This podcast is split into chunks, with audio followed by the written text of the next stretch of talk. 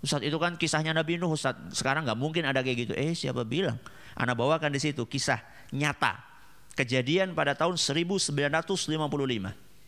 Kalau kemarin kita dengar di Banjarnegara ada kasus apa? Ada kasus tanah longsor. Ini lebih dahsyat dari tanah longsor. Kejadian di sebuah dukuh namanya Dukuh Legetang. Itu di komplek Dieng. Dukuh ini, dukuh itu apa ya? Dukuh itu bukan makanan, duku bukan. Dukuh itu apa?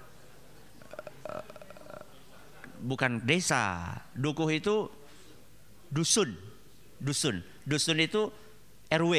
Ya, RW. Jadi eh, kampung kemudian dibagi-bagi lagi. Dukuh. Ya. Dukuh namanya dukuh apa tadi? Legetang.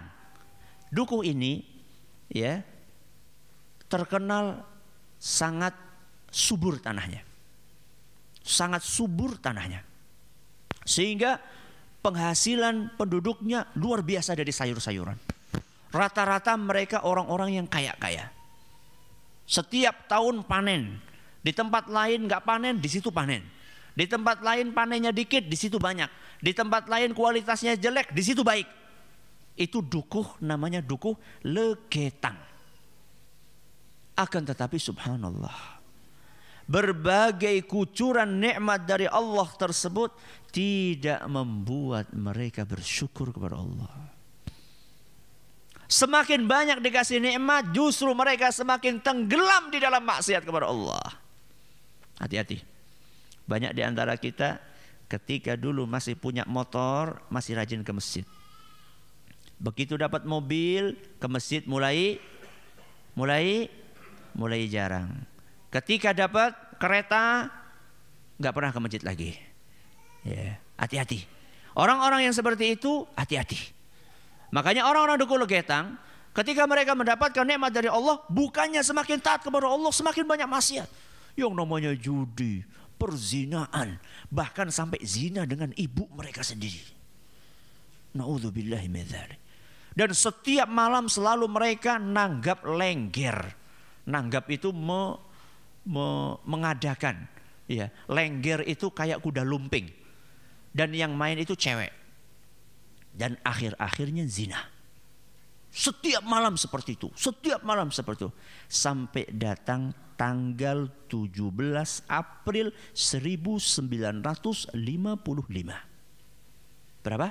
17 April 1955 malam hari itu hujan lebat sekali petir sana sini, petir sana sini.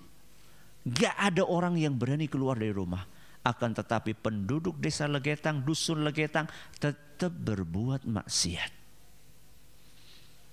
Tetap minum, tetap judi, tetap zina. Sampai lewat pertengahan malam. Ketika lewat pertengahan malam hujan berhenti. Sunyi senyap tiba-tiba terdengar suara boom. Suara yang keras sekali seperti suara bom. Suara itu terdengar oleh dusun-dusun yang ada di sekeliling dusun Legetang. Tapi nggak ada satupun yang berani keluar.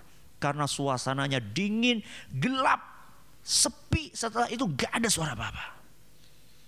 Baru keesokan harinya Orang-orang yang ada di sekeliling dusun Legetang keluar dari rumah. Mereka ngelihat ada sebuah gunung. Namanya Gunung Pengamun-amun. Ternyata gunung itu sudah separuh nggak ada. Separuhnya gunung nggak ada. Mereka, ah gunung hilang ke mana ini? Gak ada separuh. Kemudian mereka lebih kaget lagi ketika gunung yang separuh itu sudah pindah di atas dusun Legetang. Bukan longsor. Kenapa bukan longsor? Karena gunung pengamun-amun ke bawah kayak gini ada lembah. Ada lembah, ada lembah, kemudian di sini ada dusunnya.